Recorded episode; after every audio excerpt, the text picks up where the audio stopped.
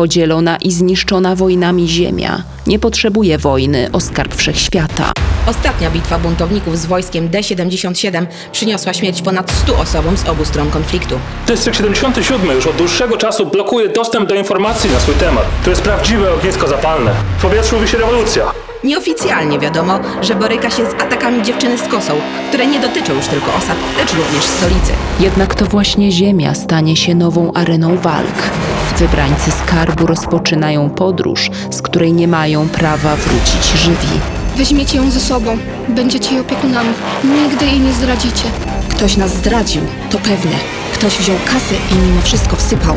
Glorio, masz misję do wykonania. Dokończ moje dzieło. Mów co wiesz i oddawaj co masz. Twoja matka wiele ukryła. Rety, to takich ludzi jest więcej? Czy oni wszyscy są źli i koniecznie chcą mnie zabić?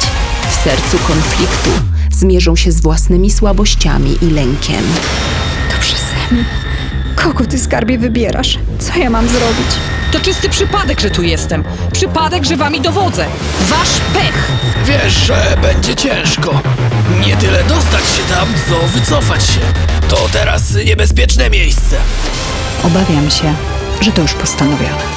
Bo swoim wybranym skarb wszechświata nie pozostawia wyboru. Uwierz, nie bój się, tak jak ja się nie bałam. Nie wiem, mamo, czy się bałaś, czy nie. Wiem, że zginęłaś. Co ja mam im teraz powiedzieć?